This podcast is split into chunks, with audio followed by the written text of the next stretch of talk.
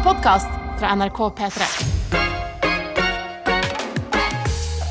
Og det er Markus og meg, Anna, som er dine vikartøyter denne torsdagsmorgen. Og god morgen til deg som har skrudd på radioen din og velger å våkne med P3 denne her morgenen. Jeg vil si gratulerer med å ha stått opp, uansett om du står opp så tidlig som det her hver eneste dag, eller om i dag er en del av en unntakstilstand for deg. Ja, Uansett så har du vært flink som er oppe nå. Det må vi kunne si. Ja, det syns jeg virkelig. Eh, I dag skjedde det noe merkelig for min del. Ja, I går så var jeg besøkt en venninne som eh, bor i Oslo, men er fra eh, Larvik, sammen med en hel haug av andre Larviksjenter. Eh, Og vi havna inn på en, et kjør om dette med å møte folk man kjenner på eh, buss eller trikk, eller på bussen hjem til Larvik. Da er det jo en lengre rute. Alle de tingene her. Eh, Hun ene forteller at en gang satt jeg på bussen, var kjempesliten og trøtt etter jobb, ville bare komme meg hjem. Så prikker noen meg på skuldra, så er det en person jeg jobba med i en butikk for fire år siden. Oh. Og alle bare 'nei, det er frekt, det er frekt, nei'. Det var liksom sånn der alle bare støtta henne. Setter meg på bussen til morgendag. Da tar jeg sånn buss som går kvart over fem. Det er ikke akkurat eh, Det er ikke, det, det er ikke rush time. Nei, det, det, det er sant. Tror jammen ikke jeg ser en venninne idet jeg skal gå av bussen. Og jeg går bort bare for å si god morgen, så sier hun 'jeg så deg, men jeg ville ikke forstyrre deg eh, i morgentimen din'. Men det er deilig, da. Hæ? Det, Shoura til Johanne. vet du hva, det er imponerende jobba. For det synes jeg virkelig Det, det må man bli flinkere til å våkne. Anerkjenne. Jeg ser at du er her. Vi kan prate etterpå. Ja. Nå tar vi denne bussen sammen. Litt Hver sånn. for oss. Men jeg så henne jo ikke før jeg skulle gå av, så da ble jeg egentlig litt sånn åh, men jeg ville jo vite hvorfor du var så tidlig oppe. Ja, ikke sant? Du får spørre etterpå. Ja, kanskje jeg skal sende en melding og, og, og, og gratulere henne også med å komme seg opp så tidlig. Ja, men det må du jo absolutt gjøre. Ja. Jeg har eh, Altså, jeg, jeg må si at morgenen i dag har vært litt, litt seigere enn i går. Ja, for I går starta du da med å moonwalke deg ut av en hundebæsj. Ja, Det gjorde jeg ikke i dag, men jeg merket plutselig Fordi jeg sto opp, gikk i dusjen som jeg pleide. Men så tenkte jeg ikke skulle vaske hår i dag, fordi Nei. jeg var eh, bare Jeg hadde ikke tida til det. Nei. Men så har jeg en rutine på å sitte og føne håret. Så plutselig så sitter jeg og føner håret mitt uten å ha vasket det.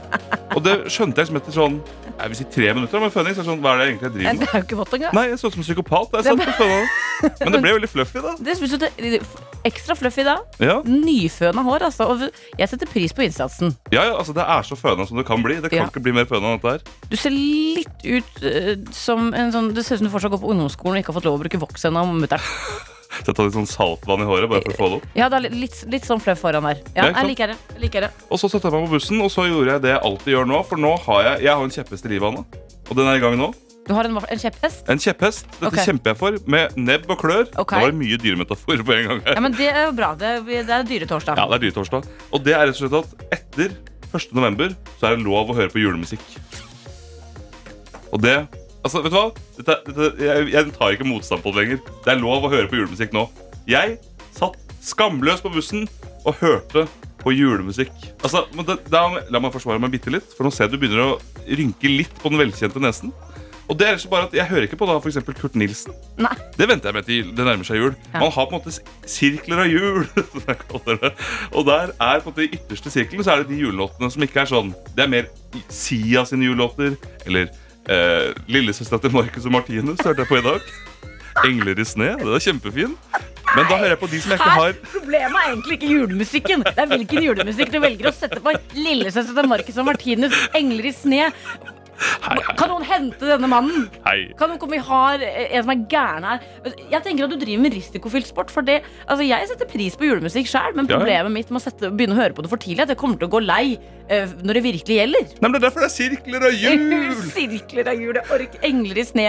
Uh, Ja, men fordi når du kom, Jo nærmere jul du kommer, jo, be, altså, jo mer kjente og bedre julelåter hører du på. 'Driving Home for Christmas' må du vente med til etter 10. desember. Mens 'Engler i sne' kan du høre på fra november. Det er et system! Jeg setter litt pris på det her òg, fordi du eh, nevnte meg i går at du egentlig ikke Du har ikke noe sånn veldig Du er ikke noe investert i å la, musikksmak og sånne ting. Det er litt, Nei. Er litt tilfeldig. Men når det kommer til julemusikken, da har du liksom da har du et Excel-ark med Altså. datoer for når de ulike låter får lov å slippe til i livet ditt. Men det er sant, og det gjelder også andre juleprodukter. Julebrus, ingen skam på, mens andre ting må du vente med. Smacken er jeg enig i. Ja. Julemusikken, not so much. Jeg merker jeg blir Hører jeg uh, Mariah Carey, den julelåta hennes Jeg har glemt tittelen på den nå. All I want for Christmas is you. Hører jeg den de neste to ukene, kommer til å kappe av meg armen. Ja, det er klassisk 10. desember-låt. Klassisk 10. desember-låt. Hvilke, andre er klassisk 10. desember-låter? Åh, altså Derfor er det et skille. For sånn som altså, Sølvguttene typ, og alt det der, det, må etter, det er etter 20. Etter 20? Ja, ja, det De må må vente da. lenge. Ja, da må du være der. Det er jule... du, de står og tripper i de små matrosskjortene sine. Ja, altså, Altså. det er selve medisterpølsa i julelista, altså. For da skal det være jul. Men sånn som Fairytale of New York, også klassisk 10. desember-låt for meg. Altså, det er, Når jeg hører på det privat, fordi de spilles jo på butikker over det ganske land. Og det er det kanskje begynt med allerede, og det er jeg veldig imot. Jeg hørte en julesang på P3 i går. Gjorde du det? Jeg gjorde det. Den nye låta til eh, Sigrid. Er det jule... Har du Ja, lagd for- julemusikk? Hun kom med en julelåt. Kan ikke det stemme? Eller kanskje det bare var Det er en remake av Home to You. En juleversjon. Jeg tror faderen meg det var den de spilte i går, men det kan hende jeg tar feil. Ja, ikke sant? Da Ja. må den her rett inn på min jul-jul-jul-liste. Har du flere? Ja, jeg har flere. Altså, det har jo forskjellige Jeg har en slags A-, B- og C-liste når Du er P3 i julemusikken. i julemusikken. Men det, eh, det jeg setter pris på etter hvert da, med årene som har kommet, er at det har kommet en del julemusikk som er ganske sånn Du har litt jingle bells, du har litt sånn dryss, Ja. men det er ikke veldig julete av seg likevel, så du går ikke så innmari lei. Den har tona seg litt ned. Det er ikke, det er ikke Wham og Mariah Carey eh, mashup, liksom. Det er litt mer nedpå julelåter som jeg kan sette pris på. Eh, men personlig avstår fra julemusikken inntil videre. Mm, 10. desember syns jeg er lenge å vente. Ja, Først- men det er noen av låtene altså, Her må jeg, her må jeg rett og slett rope ut til mine juletøyter. Hjelp meg her. Gi meg støtte til dette her. Dette er P3 Morgen. med vikartøyter Martin og meg, Anna, hvor vi skal dykke inn i innboksen. Og der, Har der er ikke- Hva kalte jeg deg for noe? Martin? Nei, gjorde jeg det, eller? Ja. Det er fordi Martin nettopp har sendt for Snap. Har Martin hett Snap? Ja, men så hyggelig, ja. Markus, unnskyld. Det, går helt fint. Men jeg har sendt med Jonis, jeg har sendt med Tete, og, og så er det deg nå, og alle dere tre har vært vikar for Martin. Jeg følte jeg måtte si ifra så ikke folk forventet seg Martin, og så blir skuffa når de hører denne røsten her. Eh, det kan hende det var lurt. Eh, Men, veld, men du er en nydelig nummer to. Ja, altså jeg, jeg, tar, jeg, jeg, altså jeg tar det å være en slags First Bice Martin her nå, men eh, det er bare viktig at den som hører på, så vet det. At nå er i First Price-land. Nå er det ikke indrefileten som sitter der. Åh, Jeg, tror, jeg føler har satt standarden som man kan forvente seg av meg eh, i dag. Eh, og da er det jammen godt at vi har eh, et stødig anker eh, med oss, nemlig deg, Markus eh, Vangen. Vi skal hoppe inn i innboksen, og det er ikke jeg skal ikke, nå skal jeg være forsiktig. Det er ikke julestemning der. Det er det ikke. Det er ikke julestemning, men det er en betimelig diskusjon rundt julestemning som har eh, meldt seg. Fordi eh, du, Markus Vangen, Ja, eh, startet dagen med å føne ditt tørre hår Det gjorde jeg. eh, i tre minutter. riktig, riktig. Hvorpå du satte deg på buss til eh, ditt arbeide. Hvorpå du satte på eh, julemusikk signert lillesøstera til Marcus og Martinus. Blant annet. Eh, og det er klart at eh, det er jo et, eh, noe å se for seg at en 26 år gammel mann driver med, Mara. Eh, og, og du har jo også da et rituale, introdusert oss for et nydelig ritual, vil jeg si. Eh, eller en ordning. Ja, ja. Et System. et system eh, hvor eh, julemusikken har eh, ulike datoer. Det er sirkler av jul. Det det. Eh, så det er noen ting du kan begynne å høre på nå. For å spare på det beste til eh, det virkelig faktisk er jul. det, akkurat det. Så du må, på en måte, du må lag, legge opp et system så du får liksom, de mest julete tingene nærmest jul. Da. Eh, her har Randi noe å lære av deg. Hun har nemlig sendt en snap til NRK P3 Morgen. Eh, hun er enig med deg. da Det er bare å kose seg med julemusikken nå. God idé med ulike lister til ulike tider. Jeg må innrømme at jeg faller direkte inn i Kurt Nilsen og Maria Mena osv. allerede nå. Ja, men jeg, jeg kan skjønne det òg. For det er, jo, man, det er jo det man går og gleder seg til til man kommer dit. jeg skal ikke legge skjul på det. Og så er det liksom alltid to ender av samme skala, eller kanskje to forskjellige skalaer til og med. For her er det en som mener det er altfor tidlig å begynne med julemasse. Skjerpings. Ja, jeg, jeg, tar, jeg tar den. Vi, vi tar den, men vi må ta diskusjonen også, syns Ja, jeg. Det, ja. Den er en evig aktuell diskusjon. Vi har også med oss analytiker Martin her, og han er søt. Jeg må bare si det, han har sendt en snap hvor han smiler veldig inderlig. Oh. Et nydelig morgensmil. Har hørt på julemusikk siden oktober. Og, det, og står i det, ikke sant? Det er, sånn er det. Men jeg skifter til en annen spilleliste når jeg får besøk. for dette er det viktigste. Her er han god. Her viser han at han, han skjønner folk. Han er en menneskekjenner. Du må ikke eksponere andre for det. Du må holde det for deg sjøl. Og Har- det er lurt. Har du blitt tatt med holdt på å si, julebuksene nede på noe tidspunkt, Markus? Ja, jeg har vel eh, Jo, jeg har jo denne når du skal sette på musikktyp eh, på fest, f.eks., så har det vel skjedd et år hvor det plutselig da Om det ikke var uh, lillesøsteren til Marcus Martinus, så var det i juleland. Og det var liksom rett etter da Rett etter halloween. Så folk var sånn Hva er det du driver med? Er du, er du gæren? Og det er klart, det er vondt å stå i det. Men som en juleelsker, som jeg er, så må man bare gjøre det. Hva er, liksom, hva er ditt tips uh, til andre i samme situasjon som deg? For jeg føler uh, enten så er man sånn Nei, ingen jul før 1. desember. Vi har jo Helge med oss her som mener at det burde vært en lov mot alt som er julerelatert før 1. desember. Blir jo drittlei lenge før det har begynt. Og jeg tror det er mange som er enig med han. Ja, det skjønner jeg også. Men så er det eh, også sånne som deg da, som tenker at eh, fader, det her er jo så koselig og gøy, og det er så mye fint ved det at vi bare strekker ut litt lenger enn de 24 dagene det egentlig skal vare. Ja. Hva er det dere liksom uh, kan si til deres forsvar når dere blir konfrontert med disse uh, menneskelige Grinchen-folka? Ja, jeg skulle si For jeg, jeg, ser, jeg aner jo inntil litt Grinch-stemning fra deg òg. Selv om håret ditt er rødt, så er det kanskje grønn pels på innsida her. Nei, men jeg skulle til å si at uh, Ikke snakk så mye om jul, men så har jeg akkurat sittet her nå og gaula om jul de siste ti minuttene. Så kanskje ikke snakk Eller eksponer alle andre for det hele tiden. Hold det for deg selv som Ja. en litt, litt sånn uh, fetisj som er litt sånn Litt sånn flau. Bli med inn i julerommet. Ja, så er det full, altså alltid julepynt. Ikke sånn derre Christian Grey-rom. nei, nei, nei. Ok, ja, men det er, Så du mener nesten ikke at man skal skamme seg, men holde litt for seg sjæl? Ja, så må man jo virkelig respektere For jeg er 100 på, på et vis enig i at det er jo best å spare til desember. Ja. Det er bare at noen av oss klarer ikke helt det. Men da får det være noe vi må stri med. Vi skal ikke plage andre med det. Du er sånn Anonyme juleelskere. Ja, Vi burde hatt egen samling. Jeg- Anonyme juleelskere. Jeg heter Markus Vangen, og jeg elsker jul. Hei, Markus. Hei, hei, hei. Ta deg koppen med gløgg. Ja, Pepperkaker. og pepperkaker. Det er veldig gøy å se for seg. Sitter i ring. Juletre i midten, selvfølgelig. Dette er NRK. Og Markus, nå er det bare å put your hands in the air for uh, vår producer man Jay Bizzle, som bare får lengre og lengre kallenavn for hver dag som går. Ja, det begynner å bli voldsomt. Kast opp de hendene. Kast opp hendene. Ja, hendene blir Ja. kasta opp. Hallo, Jakob heter produsent eh, for det her radioprogrammet. Og uh, skal akkurat nå slå et slag. Det var vanskelig å si så til på morgenen. Du fikk Slå. nesten litt uh, sure oppstøt av å si det. Slå slag Mm. for bakepoteten. En Bakt potet. Bakt potet. Ok. Jeg er ikke fra et uh, bakt potethushold. Vi hadde aldri det. Det var ingen i min nærmeste omkrets som anerkjente bakt potet som en uh, ting. Men hadde dere uh, de potetene som er, ligger klare i sånn sølvfolie eh, på nærbutikken i eh, Trofors? Vet du hva, Jeg er nødt til å svare nei på det. Det tror jeg ikke vi hadde. Men okay, vi reiste jo til Mosjøen, vi som alle andre. Jeg skulle til å si Vi vi hadde tilgang på, på bakt potet i sølvfolie. Det hadde vi. Så det var ikke der det skorta. Men jeg har liksom aldri, aldri skjønt det. Og så eh, var det vel for et par år siden at jeg spiste bakt potet for første gang. Da var hos min svigerfamilie. Og det var altså en Det var en åpenbaring. Det var en åpenbaring. Her er det en rett som gir det lov til å ha på tre, kanskje fire forskjellige meieriprodukter på samme rett. Rømme, kryddersmør, ost på samme rett. Velkommen til 2002, alle sammen. Nei, det, det, det, var helt ufattelig. Det var helt ufattelig. Så jeg spiste det til middag i går, og herregud, er gud, så forbanna godt det er. Hvor, hvor det, Hvorfor spiser vi det ikke hver dag? Egentlig spørsmålet ditt. Spørsmålet mitt er egentlig hvorfor spiser vi det ikke hver, hver dag? Og, og, og, og, hva, og, og da lurer jeg på, fordi jeg er jo forholdsvis, sammenligna med veldig mange andre, ny i bakt potet-gamet. Mm. Og jeg har googla og gagla meg fram til litt sånn forskjellige forslag til tilbehør man kan ha på bakt Du kan ikke sitte og snakke om bakt potet og si google og gagle. Nei. får du ikke lov til. Må, Jeg Jeg gir deg ikke audiens.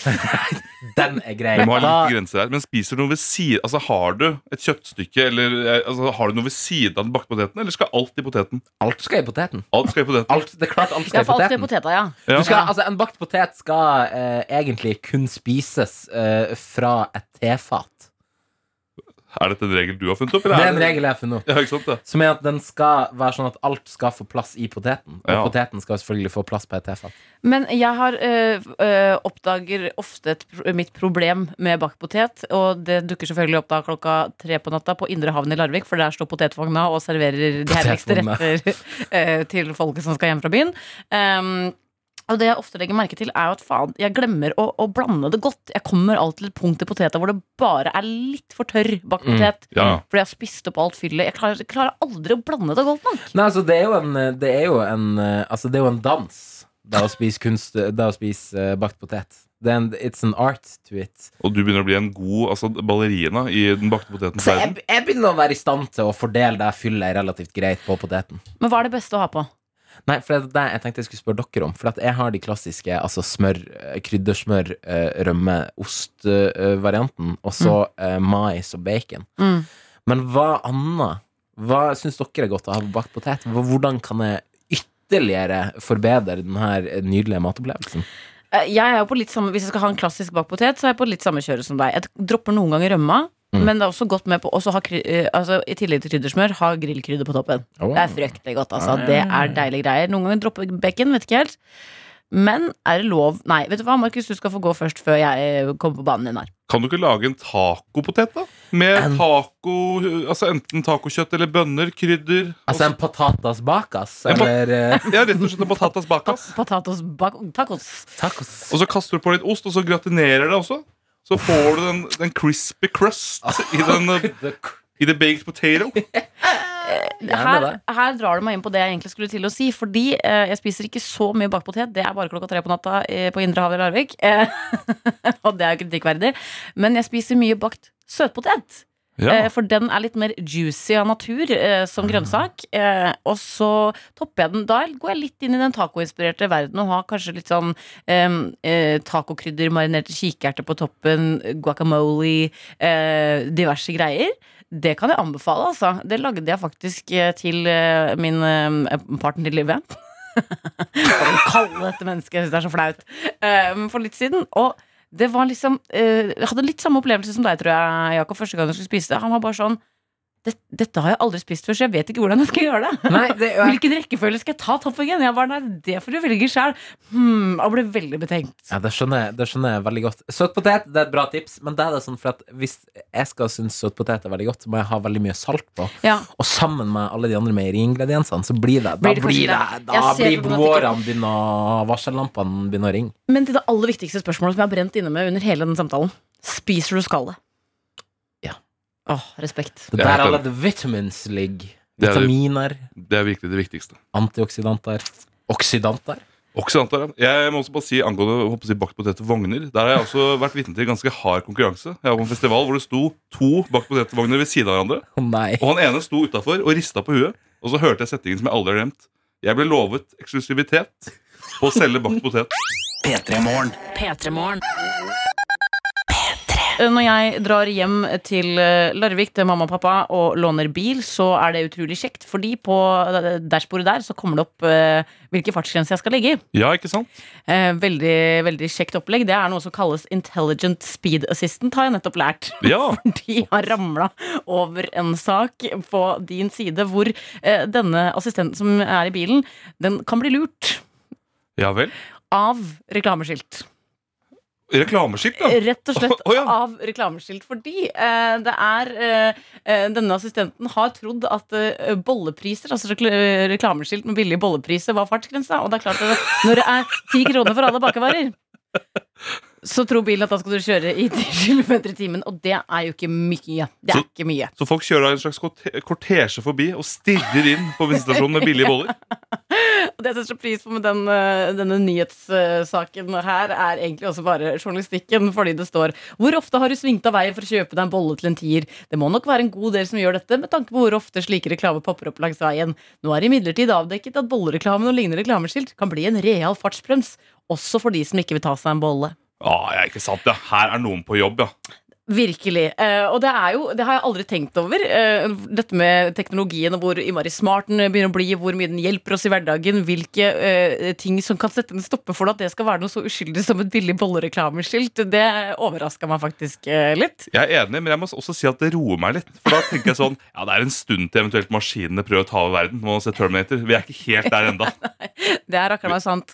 Men det får meg altså til å tenke på, hvis den er så, hva skal jeg si, ømfintlig, da, denne fartsgrenseassistenten i, i bilen, eh, for, eh, for å ta inn alle mulige tall på, eh, på veien og reklameplakater utover liksom de vanlige fartsskiltene, hva, hva, kan vi risikere her da? For det en bolle til en tier er jo én ting, men eh, kjøre forbi Plantasjen, da, som har Ja. salg på grill til eh, 3999 kroner. Hva er skjer da? Ja, da gunner vi på, da, så fort vi kan. Kan bilen gå 3000? Det får vi se, da. Vi får se. Og så er det bolleskilt eh, neste rett etter plantasjen. Da skal vi få det ikke festlig, var det jeg holdt på å si, men det skal bli interessant. Ja, det blir i hvert fall, Da kjører du ganske rikk og napp.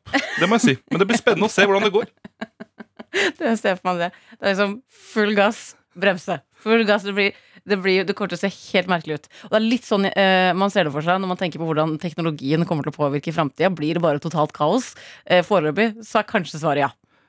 Det er, altså, det er godt mulig. Jeg bare ser på nå, Hvis vi kjører da, sånn som du sier, Recon Up Ja. Det kommer romvesener og ser på oss mennesker. Så bare, hva er, hvordan er det de kjører?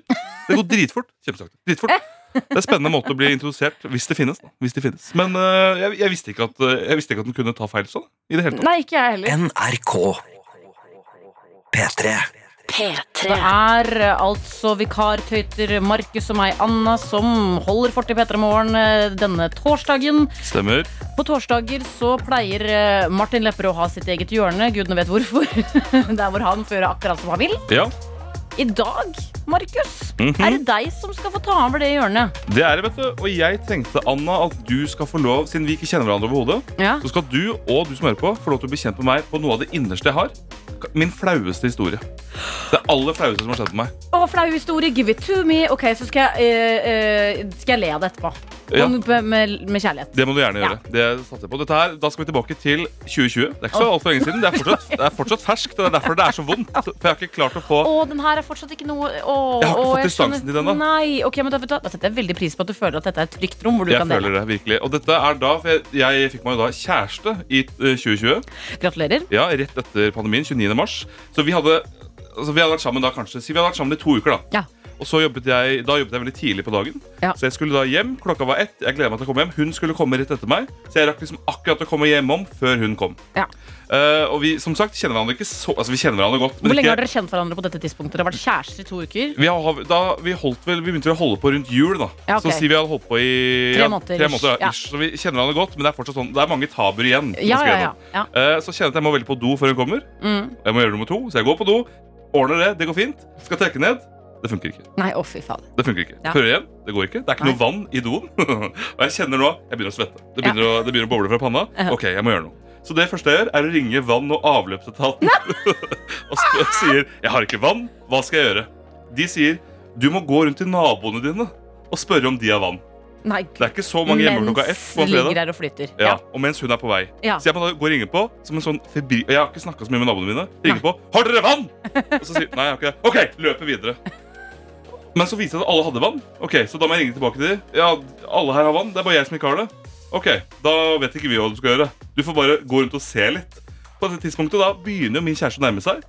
Nå er, jeg får melding, Hun er på busstoppet, så hun nærmer seg enda mer.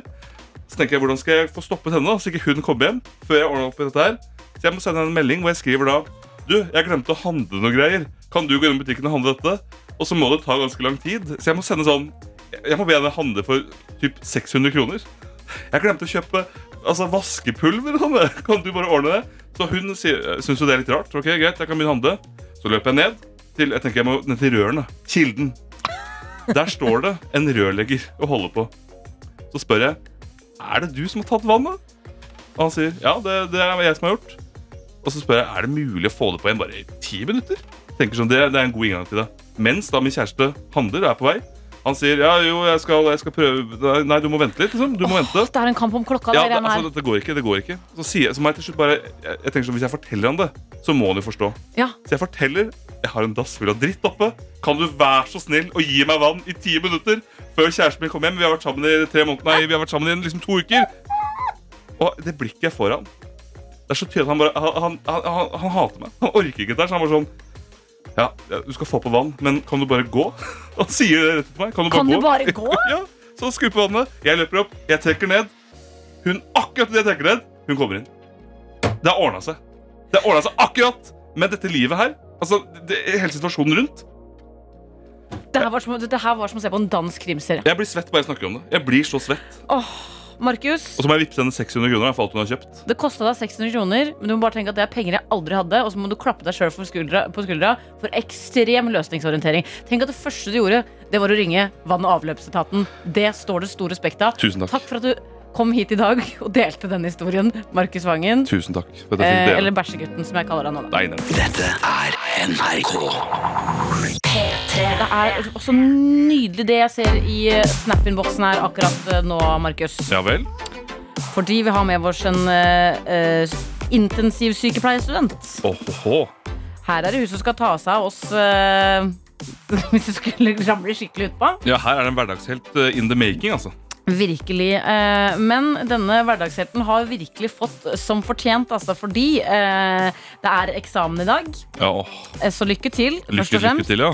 Men hun våkna opp til melding om morgenlevering på døra i dag. Finnes det en bedre måte å starte eksamensdagen på, eller, eller, eller finere venner?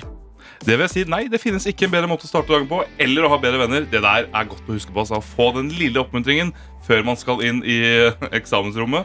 Jeg syns sånn eh, morgenlevering er helt genialt. Eh, men det funker Jeg bor jo i Trondheim, der må jeg si at eh, tilbudet er ikke så bra. De vil, det er så mye, gamle bygninger der, så jeg har ikke fått benytta meg så mye av det. Men sånn der, å gi en liten oppmerksomhet når noen liksom har fått til noe eller skal noe, eller sånne ting, trenger ikke å være mye, trenger ikke å koste mye penger. Det kan egentlig bare være en melding hvor det står 'lykke til', men bare at noen har huska at i dag skjer det noe stort i ditt liv. Eller noe som kanskje er litt spennende, eller noe du trenger litt ekstra backing på. Det er så koselig. Ja, så er det så enkelt òg, som du sier, bare sende melding. Man tenker liksom ikke over det så mye, men sånn, det er- koster så lite og gir så mye. Ja, det gjør det. Eh, Jeg eh, hadde en venninne som hadde eh, klart master. Oi. Klart en master, er det sånn man sier det? Hun hadde levert master. Ja. Og da gikk liksom jentegjengen sammen og, og kjøpte en liten gave til henne, da. Det syns jeg er koselig. Det er kjempekoselig. Um, og så blir man jo Man forventer det ikke. Man forventer det til bursdag, man forventer det til jul. Man forventer det kanskje ikke når man har levert master, at man skal få liksom en, en liten gave av venninnene sine. Man gjør ikke det. Nei, helt enig, men til deg som nå enten leser til eksamen, eller kanskje har eksamen i dag, eller denne uka, eller nå i nærstående fremtid, lykke til. Dette klarer du. Det eh, er vår lille gave til deg. Et eh, ektefølt eh, lykke til. Og jeg må bare, hver gang det er snakk om eksamen og skole, og sånne type ting, så må jeg bare si det jeg alltid sier. Eh, Ditt beste er godt nok. Ikke stress. altså Tenk heller på hva du lærer underveis, eh, fremfor at det skal være stå til en A. Det er ikke så viktig. Nei, helt enig, så tenker man da da at sånn, dette her betyr alt. Men så går det et år. Så, sånn som nå, Jeg husker nesten ingen av eksamene mine. Ikke jeg heller. Det har gått bra. Og for å si det sånn, jeg, jeg syns det var noe dritt å studere. Altså, ordentlig ordentlig forbaska dritt. Tenkte at jeg kommer aldri til å hente meg inn etter det maset her. Det gikk bra. Eh, Markus, du fortalte nettopp en ganske dramatisk do-historie. Eh, kjapp recap for deg som kanskje nettopp har skrudd på radioen din og stått opp. Eh, eh, Markus hadde vært sammen med sin kjæreste i ca. fem minutter. Ja. Ikke tre uker. To uker. Eh, du skulle hjem fra jobb rett før henne. Tenkte at da rekker jeg å ta meg en liten dritt. Yes, Det rakk jeg Du- åpenbart ikke. Du rakk det, men så var det ikke noe vann. Det var en rørlegger som hadde stengt av vannet. Rakk å dra ned rett før kjæresten kom inn døra. Eh, dramatisk historie der eh, på morgenen, men nå har vi fått inn et tips. Markus, neste gang spør du naboen om å få fylle en bøtte med vann, og så heller du den ned i doen. Men takk for god historie på morgenen. Ah, man kan gjøre det, ja! Selvfølgelig! Ja, selvfølgelig. A little too late der. eh, Her er jo fasiten men i livet mitt. Den personen her. Alltid går rundt med bøtte med vann i tilfelle dette skjer. Hvorfor går du rundt med bøtte med vann? Nei, nå skal du høre at jeg hadde en litt ubeleilig hendelse. Eh, Den skal aldri gjenta seg, derfor så går jeg rundt med bøtte med vann. Du vet aldri når du trenger det. Da blir det fort en byoriginal hvis du sier ja, du, nå skal du, hvorfor? Da virker det som jeg går rundt. Min store drøm er å bli byoriginal. Det er det. Ja, ja, ja. Det er, Det er fantastisk. Ja, men Da føler jeg at jeg blir en fyr som går med bøtta for å kunne fortelle en historie. At det blir sånn, Du kommer ikke til å spørre ellers, derfor har jeg med denne bøtta Ja, med vann. Du må jo ha en gjenstand eller noe karakteristisk ved deg for at folk skal spørre deg, og dermed også bli en byoriginal. Ja, jeg føler at jeg er rar nok fra før om ikke jeg skal begynne å gå med kulisser i mitt eget liv. på en måte Det blir litt mye. Det blir aldri for mye, spør du meg. Nei. Jeg syns ikke det. Vi har også med oss Geir fra Bergen her, som uh, har sendt bilde av masse masse kaffebønner. Noen som vil ha kaffe. Snart helg, må bare holde ut en dag og to til. Og det også er jo Det syns jeg hjelper meg videre inn i dagen. Tenk det. Det er ikke lenge til helg. Dette er P3 Morgen. Jeg har lagt merke ting, til en ting eh, i det siste, Markus, som jeg tipper jeg ikke er aleine om. Men det blir vanskeligere og vanskeligere å gjette ut fra en avisoverskrift hva saken egentlig handler om. Ja, Sånn, ja. ikke sant? Det er fordi det blir kortere og mer uh, snappy. Si. Ja, og selvfølgelig så er det jo clickbait, da. Clickbait har jo, altså, eh, Ikke for å kaste min egen arbeidsplass under bussen, men du finner mye av det inne på NRK også, selvfølgelig. Og det er jo en grunn til det, er fordi det funker. Ja, ja. Eh, men noen ganger så er det altså så vanskelig å gjette at hun skulle ikke tro. Jeg er inne på en uh, vilkårlig nettavis her nå uh, med en mengde slike overskrifter. Og det jeg tenkte hadde vært litt gøy, er at jeg leser opp overskriftene. Og så gjetter du hva saken handler om. ja, ikke sant? Ja, Greit, kjør på. Eh, Ok, Vi starter med sitatstrekk 'aldri vært så sjokkert'. Aldri vært så sjokkert. Um, HH, hva kan det være da? Kan det være Jonas Gahr Støre fra dette klimatoppmøtet? Så var det noen oppblåsbare dyr utafor. Var han sjokkert over det? Nei, det her handler om eh, Det handler om en operasjon. Eh, Ja. Jeg vet ikke helt hva, faktisk. Det er ikke Jonas Gahr Støre som er sjokkert over oppblåsbare dyr. Det, men jeg skulle ønske. Eh, Vi går videre til neste sak. Store utfordringer. Store utfordringer. Dette kunne vært om, det, Nei, det, jeg skulle til å si dette kunne vært om Jonas Gahr Støre, men det hadde vært større utfordringer. Der hadde de vært gode. Det, det kan ikke være den. Oh. da må det nok være Kan det være da at det er store utfordringer? Har det noe med veiene å gjøre? At det er ras? Det er eh, noe som er i veien? Mye mulig det er bilde av noen biler eh, som Ah. tilhører denne tittelen. Mer enn det veit jeg ikke. Vi går videre. Ekspert reagerer. Oi, oi. Er det smittesituasjonen i Trondheim? Eller at det er, smitte, ja, det er smittesituasjonen generelt, kanskje? Nå ble jeg faktisk nysgjerrig sjøl der. Ja. ja, det handler om pandemi og positive prøver. Pandemi og positiv Ja, ikke sant? Da er det jo to poeng, da! der, der, der fikk du faktisk Der fikk du eh, poeng. Deilig. Går, nei, men I alle dager, nå flyr det i, Der. Det flyr overskrifter over Det flyr, det flyr overskrifter. Um, skal vi se. Jeg fant en annen. Du fant, ok uh, Det er jo så mange overskrifter å velge, så det er tydelig at du har, altså, du, har vanskelig med å finne de beste. Og du er i hvert fall god hittil på å finne de korte og snappy. Det skal du ha. trodde det var umulig. Trodde det var umulig. Er det en sak om Holdt på å si Hva kan være umulig, da? Jo! Dette, dette er, dette er denne det vi snakket om tidligere. Dette er eh, bilene som tok feil av uh, bolleskiltet til ti kroner og fartsgrensa. Trodde det var umulig, men det skjedde. I wish. Den her er jo kanskje eh, uh, en ganske innholdsrik tittel uh, i forhold til de andre, men fortsatt. Kvinner deler, kolon, blir, blir rå i senga. Ja, Trodde det var umulig å bli rå i senga. Ikke sant? Ja, det er, det er mulig. Altså, det Jeg skal ikke dømme noen. Det her er den beste overskriften. Trøbbel. Å ja, dette, er- dette er en overskrift. Trøbbel. Um, er det noe annet i dette riket her, da? Kanskje det? Hvordan, hvordan bli rå i senga? Er det den samme, er det den samme saken, bare med en annen overskrift? Trøbbel. Dette skal på trøbbel. P3 Morgen.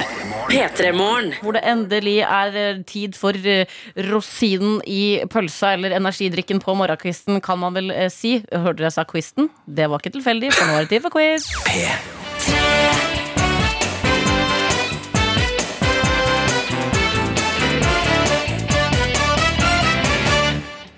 Og med oss på denne dag har vi med oss en kar som har selvtilliten i god behold. Fordi du, Øystein, sendte nemlig en melding hvor du skrev er så sjukt klar for å knuse quizen deres. Om jeg mot formodning ikke skulle vinne, så ønsker jeg meg denne låta. Og vet du hva? Her må jeg bare applaudere selvtilliten med en eneste gang. Hallo, Øystein. God dag. God dag, god morgen. Fy fader. Er det du har spist til frokost i dag, egentlig, for å få opp den selvtilliten her? Nei, altså, det er jo det er en daglig yoghurten, og så er, jeg- så er jeg en sukkerfri monster. Fy fader. Sukkerfri monster. ja. Her er det en som virkelig mener alvor. Denne knusen, nei, denne knusen, eller quizen skal knuses. Ja, altså, Dere dere prata jo om clickbait i stad, så jeg tenkte at uh, Kan ikke gjøre annet enn å ose av selvtillit i meldinga. I hvert fall. Fy, vet du hva, jeg liker, det her liker jeg så godt. Du er, uh, dette her er vår type quiz-deltaker eh, på en torsdag, kjenner jeg, Markus. Før vi går i gang, så må vi bare vi må kartlegge litt uh, hva slags deltaker vi har med oss i dag. Øystein, hva er det du driver med til vanlig? Ja, nei, Jeg er teamleder på et bilskadeverksted. Um, så jeg styrer altså de som reparerer krasja biler. da. Ok, eh, Hvordan vil du si at liksom, musikkunnskapen din og sånn, hvor, hvor ligger liksom kunnskapsnivået generelt, men også på musikkfronten? Nei, altså, jeg føler jeg er litt Jeg håper jeg er litt klistrehjerne. Uh, Jeg, tror, jeg føler jeg er det til vanlig, i hvert fall. Jeg husker alt som er unødvendig. Uh, Det er du ikke aleine om. Og ti ti sangtitler pleier å være greit. Så vi får se. Ok, men vet du hva, Da syns jeg vi rett og slett bare skal gå i gang her. Er du klar, eller? Ja, jeg, jeg håper det. Det finner vi ut av. Ok, eh, Selvtilliten er i hvert fall uh, i god behold. Monsteren er slukt, og vi er klare for å kjøre på med quiz sammen med Øystein her. Let's go. Oi! To sekk. Et lite øyeblikk. Her var det mye knapper. Vi gjør sånn. Der. Ok, sorry. Her var det meg som ikke var klar. Men nå, jævlar, et lite øyeblikk. Der. Nå kjører vi på med første oppgave, som er at du skal gjette hvilken låt som går baklengs her.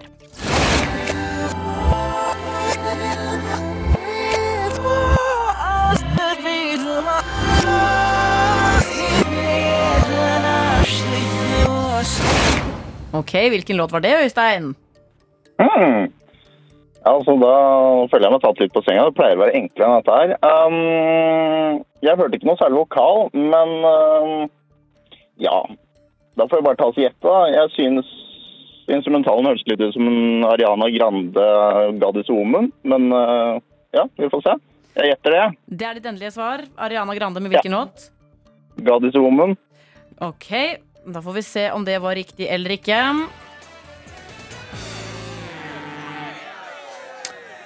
Å nei, å nei. er dessverre feil, å nei. Øystein. Eh, og selv om ikke du klarte akkurat den låta der, så er det en låt å ønske deg som trøstepremie i dag. Vi skal, om ikke du knuste quizen, skal i hvert fall knuse nederlaget med en god låt. Dette er NRK P3.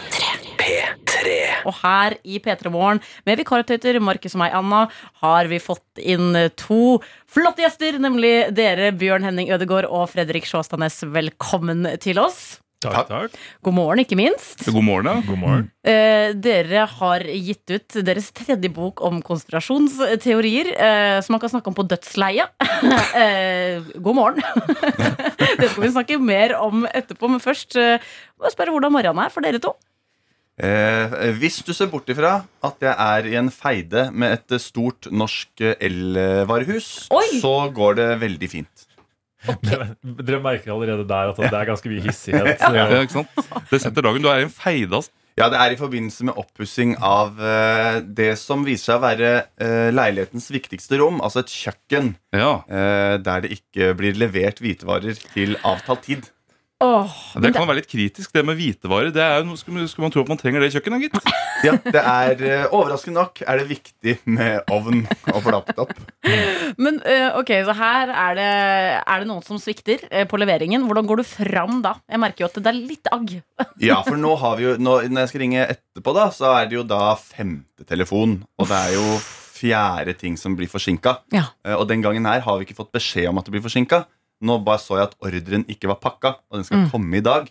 Så da må jeg jo ringe og høre. Kommer det i dag? Eh, og da er svaret 100% sikkert nei. Og da må jeg si eh, enten må jeg kjøre til et varehus og bare si jeg skal ha den, den og den som dere egentlig skulle levert. For jeg, jeg ser på nettet Ja. at det her er i denne butikken.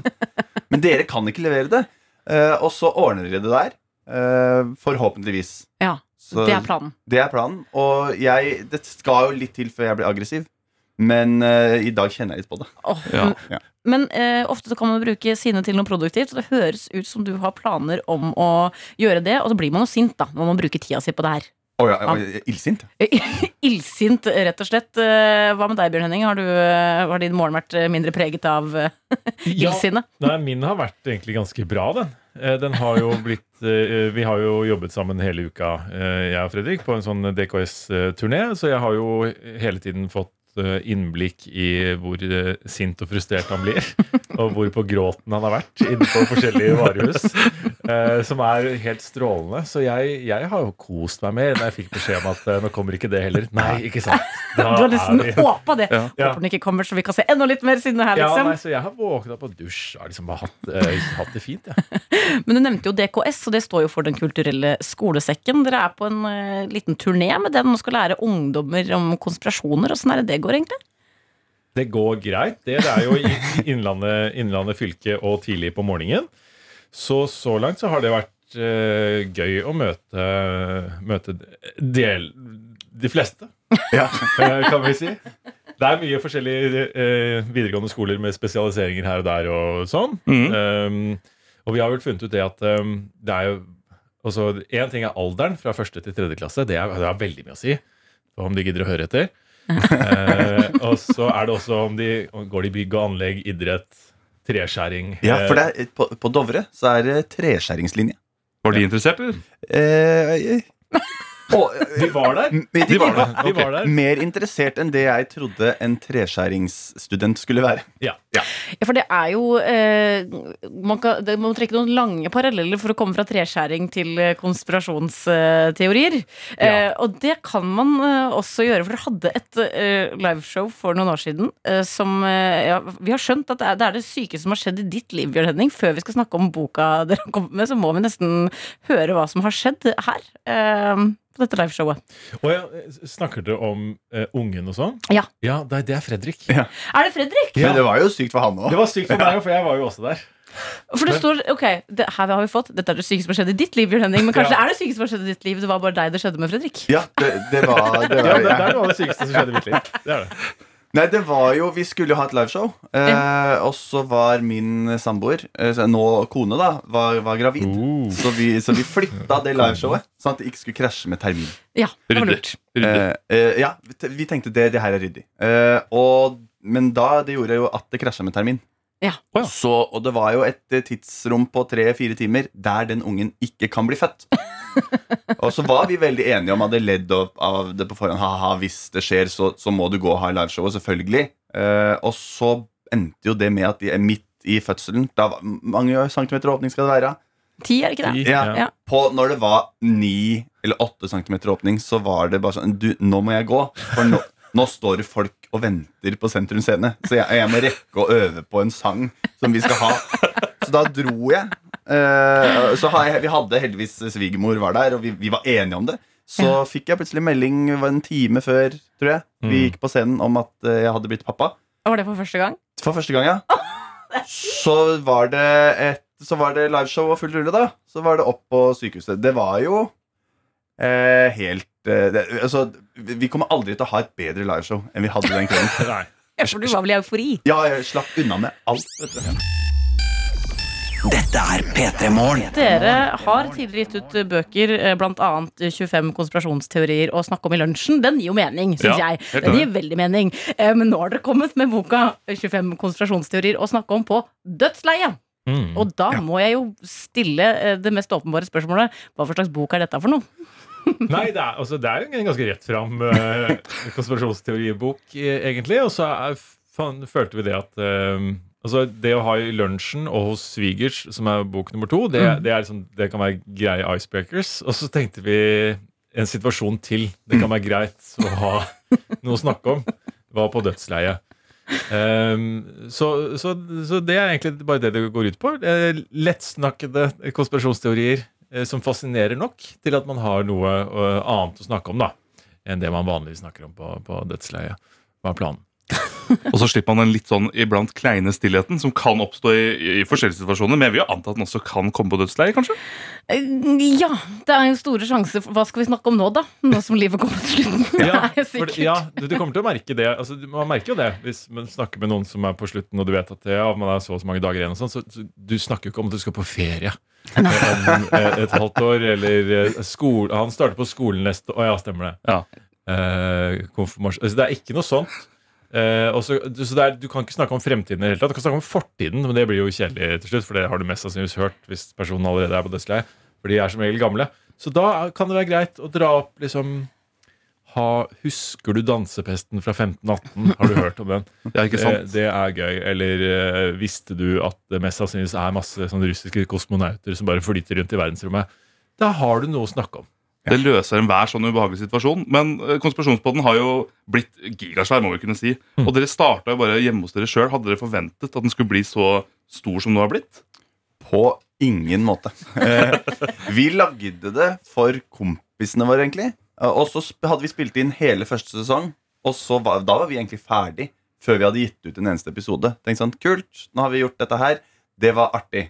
Så kult at noen tror at jorda er flat. Eh, Nå skal vi finne noe annet å gjøre. Så merka vi vel, var vel på episode tre kanskje, at eh, oh ja, det er jo flere enn bare de vi kjenner som hører på. Og så har det bare balla på seg. Eh, Det har aldri vært noen plan fra vår side om at dette her skal bli svære greier. Eh, Men så vi har egentlig bare gått på toget også.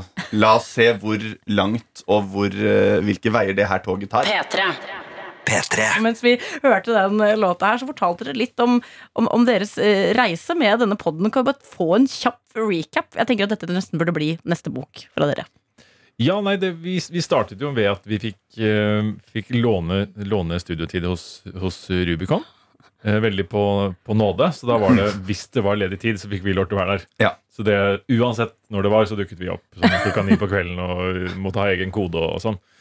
Ja, det husker jeg, så måtte vi løpe ut før alarmen gikk. og sånt. Så det, det var der, Men vi var ferdig med å spille inn første sesong, som var åtte eller ni episoder. Ja. Og så var vi sånn Det var gøy. Nå var vi ferdig. Eh, For vi hadde laget en veldig dårlig podkast før det. som Ingen hørte på den heller. Så da tenkte vi nå er vi ferdige. Det var gøy å gjøre den. Um, men så oppdaget vi da på, på Og da hadde vi ikke publisert noen ting. Men så, øh, når vi kom liksom til tredje episode, og den ble publisert, så merket vi en veldig veldig markant økning på den. Eh, og plutselig var den på topplistene på, på iTunes og sånn, uten at vi skjønte noen ting. Så da da gikk vi videre. Og da gikk vi videre fra Rubicon, Fredrik. Og hvor endte vi opp da? Eh, i, I boden til Bjørn Henning. Vi bygde om eh, Eller Bjørn Henning bygde om, da. Boden sin. Og der var det plass til to stoler og en Mac. Det var det det var plass til. Ja. Eh, og så Og, og da sitter vi og ser rett på hverandre. Ja. Ja. Eh, Så- Det var sånn at Vi spilte inn en episode, åpna døra, så kjente du at å ja, det er sånn luft kjennes ut. Ja. Eh, Så oppgraderte vi etter det, og da eh, leide vi oss en låve ute i Bærum et sted. Men det som var, var at der skulle han bonden skulle alltid Han klipte gresset uansett hvilken dag, når på døgnet, så klipte han alltid gresset. Så da måtte vi alltid stoppe innspillingene. Ja. Og i kjelleren så var det vel et sånn Var ikke det en sånn MC-klubb som drev og mekka sykler? Jo. Husker jeg feil? Jo, stemmer det. Så på, på, på vinteren så måtte de holde disse syklene i gang. Ja. så u, altså, det, er, det har vært så problematisk å få spilt inn disse episodene. Så det, det har jo endt mye med at vi tar med oss en opptaker, og så Ja. sitter vi backstage. Og det er jo ikke noe bedre, for der, der er det ved sine sånne store kjøleskap med Red Bull og sånn, og durer og fullt pakke. Men det har, det har jo vært litt av sjarmen med noen av episodene, at det er veldig, veldig veldig nedpå. Ja. Og det er veldig, veldig vi som gjør det. Det står jo litt i stil med det dere faktisk lager podkast og bøker om, nemlig konspirasjonsteorier, som jo er noe som har tatt helt av. Både fascinasjonen folk har, men også konspirasjonsteoriene i seg selv. Eh, Før så var det litt sånn morsomt, litt sånn er jorda flat, eh, la di da. Men nå begynner jo folk å bli sprø, hvis det er lov å si det. Begynner å bli ekstremt. Hvor, altså, hva har skjedd her? Hva liksom eh, Begynner å bli stuereint å være konspirasjonsteoretiker? Jeg, jeg veit ikke om det er blitt stuereint, men det er eh, blitt eh, flere som tror på det, kanskje. da Mm. Korona gjorde jo at mange plutselig hadde utrolig mye tid. Eh, Og internett er en, det er en nådeløs plass. De gjør deg ingen goder. Da ender du jo opp med at Kongressen blir storma, f.eks. Ja, og det er, mye av det er jo fordi at uh, det er jo en del aktører her på sosiale medier og sånn som, som har vært opptatt av å tjene penger istedenfor å gjøre kanskje det som har vært riktig.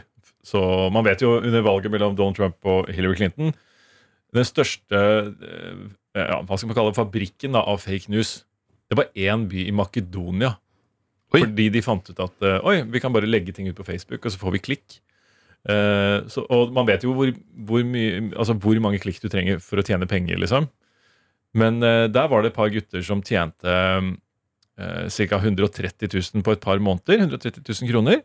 Og, og det tilsvarer da ti ganger årslønn for en vanlig gjennomsnittlig makedonier. Så man skjønner jo hvorfor de gjorde det. Men man skjønner ikke helt hvorfor Facebook bare sånn Ja, ja, bare send det ut her. her dette er ikke noe problem.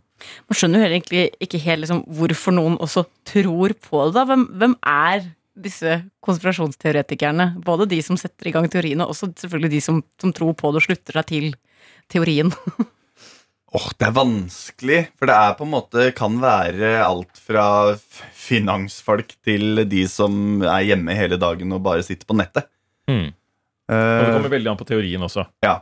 Men er det, er det store teorier om at myndighetene er ute etter å ta deg, så er, da er du som regel på høyresiden. Eh, høyre, og spesielt i USA, sånn, eh, som har en veldig brokete fortid med veldig mye sånn myndigheter som gjør veldig mye kjipe ting mot befolkningen sin. og sånn. Mm. Det er bare å se tilbake over tid, så har de gjort virkelig mye forferdelig. Um, men der er, der er det jo høyresiden som er mest opptatt av at myndighetene skal være så små som mulig. Uh, og da, så, så de har jo alltid en mi- mistillit der. Så det starter jo som regel der, hvis det kommer fra USA. Dette er P3 Morgen. skriver også bøker. Nå eh, nylig 25 konspirasjonsteorier å snakke om på dødsleie. Eh, her finner vi annet eh, konspirasjonsteorier om de forsvunne kosmonauter, Jim Morrison og ikke minst dansepesten fra 1518. Men eh, Markus, du og jeg vil lure på litt eh, ting her. Det gjør vi jo, fordi jeg kjenner jo noen som dere har brukt såpass mange år og skrevet flere bøker og hatt denne podden såpass lenge, og hatt, da vært innom såpass mange forskjellige konspirasjonsteorier. Hva er det dere tror mest og minst på? av disse? Ja da Kjempeenkelt spørsmål. mange, 200, Godt over 200 episoder og, og en del kapitler som er skrevet. Men, eh, men eh, jeg tror altså Vi hadde en litt sånn aha-opplevelse når vi, når vi eh, researchet eh, det drapet på, på Martin Luther King. For der trengte vi at det var litt mer sånn rett fram eh, ja, Litt enklere. At det skulle være enklere å, å avvise alle teoriene om det. Eh, Så den eh, ga oss en liten støkk der. Så der er vi vel ganske overbevist om at den offisielle historien ikke stemmer. Og så det ble faktisk holdt på å si omvendt. Ja. Så, men uten at vi har noe klart svar på, på hvem som eventuelt gjorde det med, og, og sto bak, så er det mener vi da, rimelig klart at det var i hvert fall ikke den personen som fikk skylda, som, som var bak. Så er det noen som er feilaktig dømt Mm, i denne, altså dette berømte drapet, kan man vel nesten kalle det. mm. Mm, spennende. Ja, nei, det, noen ganger så kan jo kanskje disse teoriene ha en rot i virkeligheten, men hvilken er det dere tenker virkelig ikke har noen ting med virkeligheten å gjøre, som bare er oppspinn? Eh, og det, det er jo Det er jo et større basseng å dyppe, dykke ned i. Men eh, det er jo sånn Pizzagate og QAnon er jo bare tull. Vil du fortelle litt mer om hva du snakker om da, og hvorfor det bare er tull? Eh, altså, De henger jo litt sammen. Altså, Pizzagate spinner jo ut ifra at eh, de mener at Hillary Clinton og høytstående demokrater eh, spiser barn og holder de fanga i en pizzarestaurant i kjelleren. Eh, der viser det seg jo at den pizzarestauranten ikke har kjeller. Ja. for eksempel, og da, men det er også et bevis på hvor farlig det kan bli. da For Ja. der er det jo en bevæpna mann som tok seg inn i pizzarestauranten, skøyt vilt rundt seg fordi han skulle befri barna i kjelleren. Ja. Eh, men finner jo da ut at eh, Men det er jo ikke noe, er jo ikke noe kjeller her. Eh, ingen mista livet der, heldigvis. da Nei. Men der igjen er jo QAnon rake mot Ikke rake, det er jo en Ikke. forlengelse av Pizzagate igjen, da. Ja. Som, Det er Pizzagate flere ganger, på en måte. ja, Ja. som til slutt ender med at eh, folk stormer Kongressen i bøffelkostymer. Og, og, og der mener de at eh, Hva er det QAnon er? Jeg husker ikke. Jo, det er, sånn, det er en sånn blanding av alt. Det Ja. er en deep state da, som egentlig sitter bak der og trekker i trådene og bestemmer over hele verden. Og sånn, og det, det er en eh, konspirasjonsteori du kan trekke helt tilbake til Sions vises protokoller, som var et falskt manuskript som, som for 100 år siden ble avslørt som å være et plagiat fra et skuespill, men som Hitler brukte sånn for å si at eh, ok, men her ser vi planen til jødene. Eh, og, og, og det er fullstendig bullshit. Og han visste i 100 år. Og det er ikke, altså, The, London Times avslørte for 100 år siden at eh, oi, men dette er bare en fyr som har tatt et skuespill og bare plagiert det inn og sagt at dette har jødene sagt. Men, altså, man, så man har vært klar over det, men allikevel altså, har man spunnet videre på det. Og den eksisterer den dag i dag, og den er dypt forankret inn i, i QAnon også. Ja. Så det er, det er fortsatt mye jødehat og hele den greia der, og den tanken om at det er noen som er bak og skal ta over hele verden og sånn. Altså, det er, det er samme, samme greiene. Og det er noe piss. Ja. Dette er NRK P3. Jeg skal finne tilbake til min indre ungdom. Eh, Vi hadde nettopp besøk av Bjørn Henning og Fredrik fra Konspirasjonspodden. Og litt sånn apropos, eh, det er beredskapsuke denne uka her. Det er det, vet du. Og da er det sånn da beredskap det handler om på alle arenaer. Ja, det er jo mange, sikkert av de typer liksom, eh, konspirasjonsteoretikerne, kanskje spesielt i USA, som har lagra opp noe innmari til en potensiell dommedag. Og nå skal ikke jeg sitte og si at ikke det kommer til å skje, for det kan jo faktisk hende. Eh, En eh, atomkrig er aldri langt unna. Oi, det var veldig.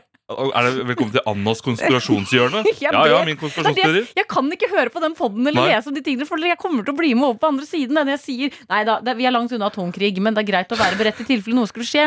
Man trenger heldigvis ikke å lagre opp med det ene og det andre, men det er et par ting man bør ha hjemme. Det er det. Det er rett og slett en beredskapsliste, og der står det 'vær beredt'. Så det er jo noe der, eh, som du sier. eh, Men det er da en del ting vi skal ha. Det er bl.a. ni liter vann per person da i husstanden.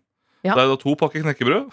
En pakke havregryn. Altså, lista er lang. Det er kjedelige ting. Ja, men det er, det er viktige ting, Anna. Det er ikke bare kjedelig, men det er viktig. Du skal overleve her. Det er førstehjelpspakke, batteridreven DAB-radio, våtservietter. Det der har jeg aldri jo, tenkt på sjøl. det høres ut som pakkelista til Lars Monsen når han skal ut på tur. Bortsett fra at han har, ikke med seg, eh, han har med seg eh, sårsalve. Og en hund som kan hjelpe han rundt. Ha en bikkje og falske tenner. Det her tror jeg altså han har. For ikke å få tannverk når du er på tur. Liten fun fact om Monsen sjøl.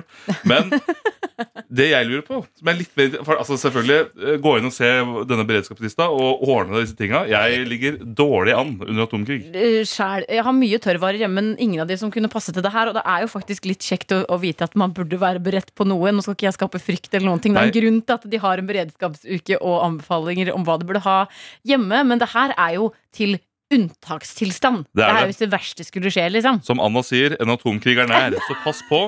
Jeg tar det tilbake på ekte. Jeg, Jeg håper det blir en egen episode i Konspirasjonspodden. Nei, uff Annas atomkrig-konspirasjon. Du, Episoden er to minutter lang. Ja, hvis noen hørte det isolert, jeg mente det ikke. Jeg tar det på ekte tilbake. Uff a meg. Men hvis man har en For det jeg lurer på da Hvis man har en dårlig For det er veldig bra med beredskapsplaner, men det kan jo gå over til andre ting òg. Ja. Hvis man bare har en dårlig dag. Det er Ja. noe som alle har en gang i ny og ne. Altså, kanskje torsdagen i dag er en dårlig dag for deg som hører på. Ja.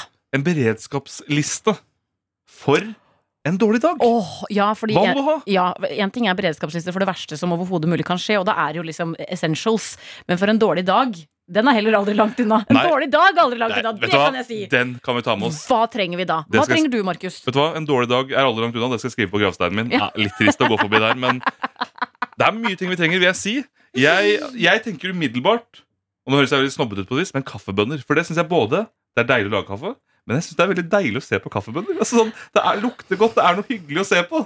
Hvem er du, Markus Vangen? 26 år gammel. Eh, sitter og hører på julemusikk på bussen i dag. Sirkler av jul. Du elsker musikaler, og du vil lukte på kaffebønner på en dårlig dag. Skal bli satt i håndjern for det, Ja. Anna. La meg være fri. Jeg setter, jeg, jeg setter pris på det. Eh, du er virkelig en gavepakke av et eh, menneske. Jeg vet om andre ting jeg heller ville lukta på på en dårlig dag. Ok, eh, da vil jeg gjerne høre et godt eksempel på det. Duftlys. Duftlys, Dyrt duftlys.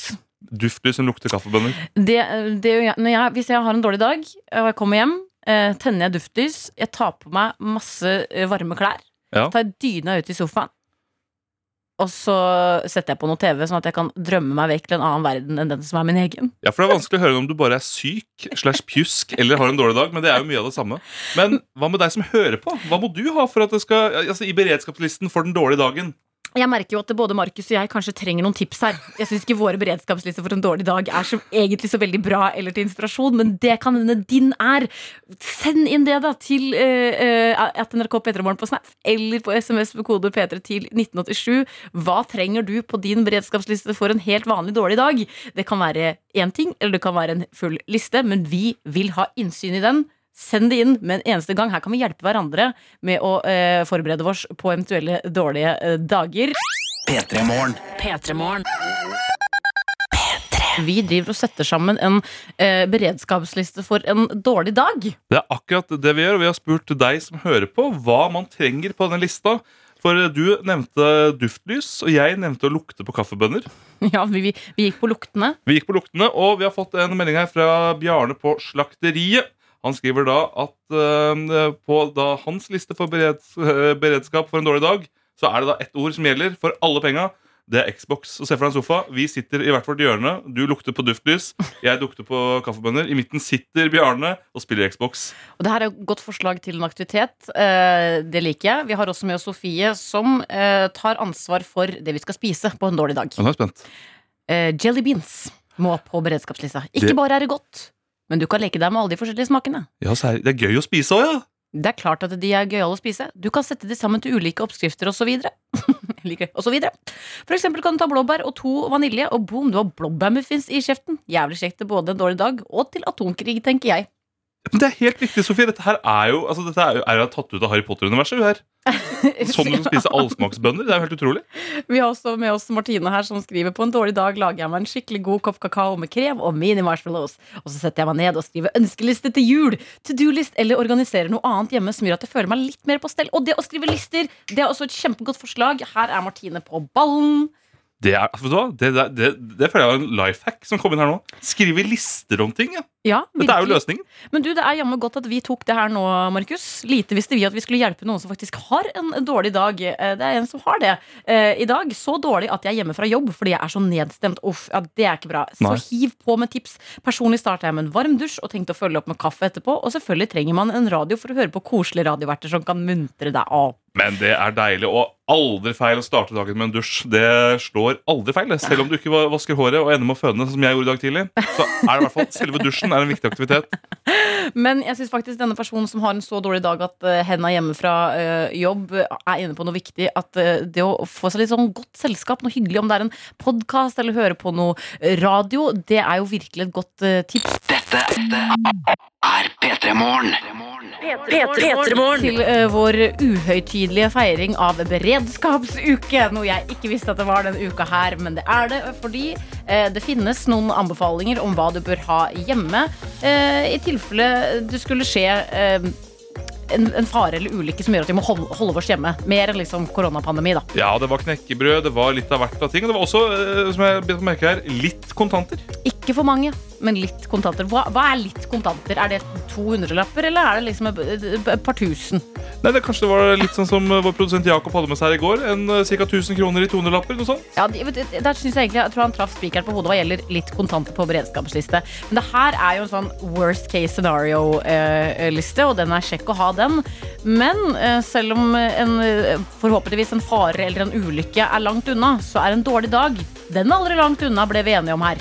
Nei, En dårlig dag den kan komme når du minst aner det, og den, altså, den bryter seg fram. Du kan ikke stoppe en dårlig dag. Den Eller, skjærer igjennom. Ikke sant, den skjærer gjennom.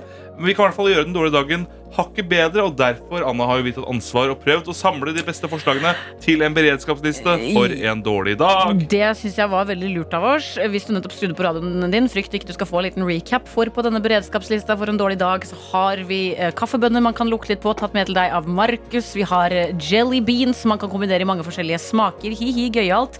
Vi har Xbox. Vi har eh, What else her? Jeg tok jo med duftlys. Vi har å lage seg en god kopp kakao med krem og mini-marshmallows. Ja, lage lister, ta en varm dusj, og ikke minst eh, godt selskap gjennom en podkast eller radio. Og nå skal vi eh, oppdatere lista med enda flere ting her, fordi vi har fått en melding av Emma, og her kommer det altså et så innmari godt tips. Men nesten, jeg ble nesten misunnelig på at det er Emma som kom med det tipset her. Hun skriver nemlig I min beredskapsliste for en dårlig dag finnes én ting.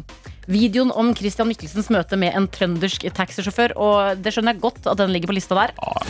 Den Trondheim-taxisjåføren her, sier han lættis, eller, eller føler han at jeg er en fyr som sier lættis? Så jeg ser på han litt og sier sånn, ja. ja. Og så sier han en gang til, litt mer bestemt, det er lættis. Og så sier jeg, ja, det er, lættis, ja. Og lukker døra. Så går jeg til hotellet, men så kommer hun som har betalt. Han sa ikke lættis, han sa det elektrisk. Og her synes jeg Emma er inne på noe så sykt viktig. For jeg, nå kommer jeg på en ting jeg pleier å gjøre Ja. hvis jeg har en dårlig dag.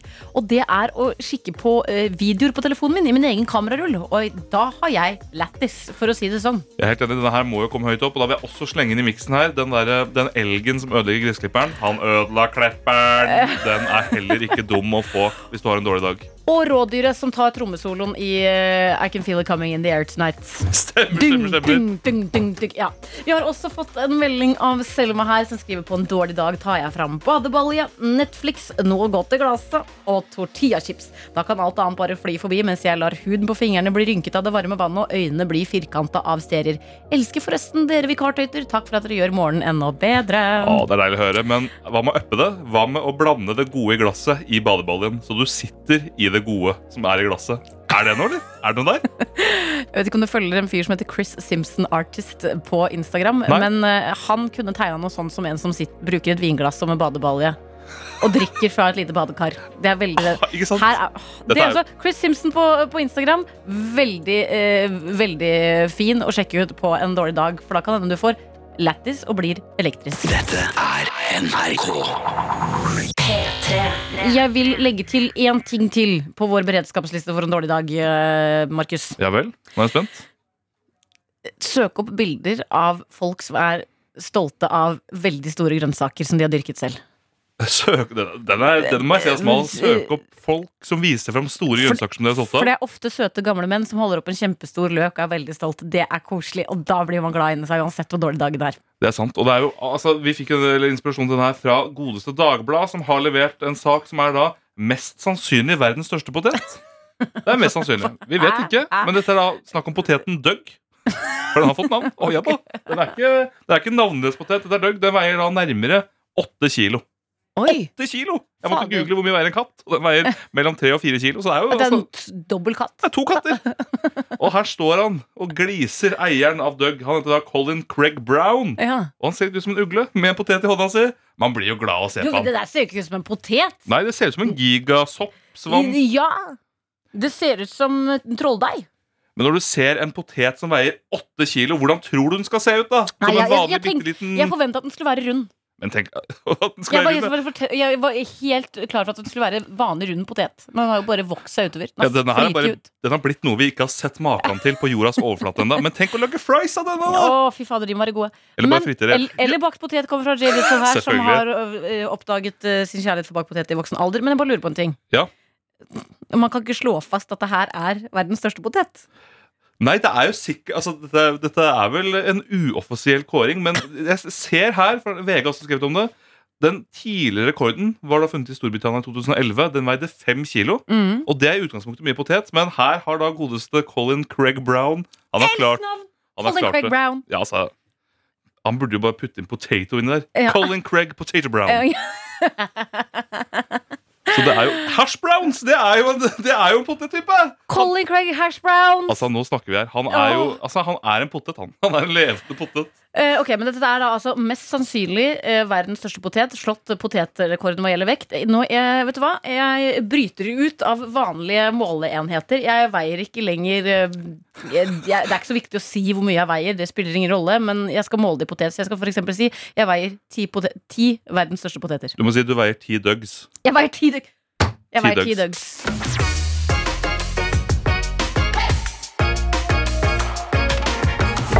Du har hørt en podkast fra NRK P3. Hør flere podkaster i appen NRK Radio.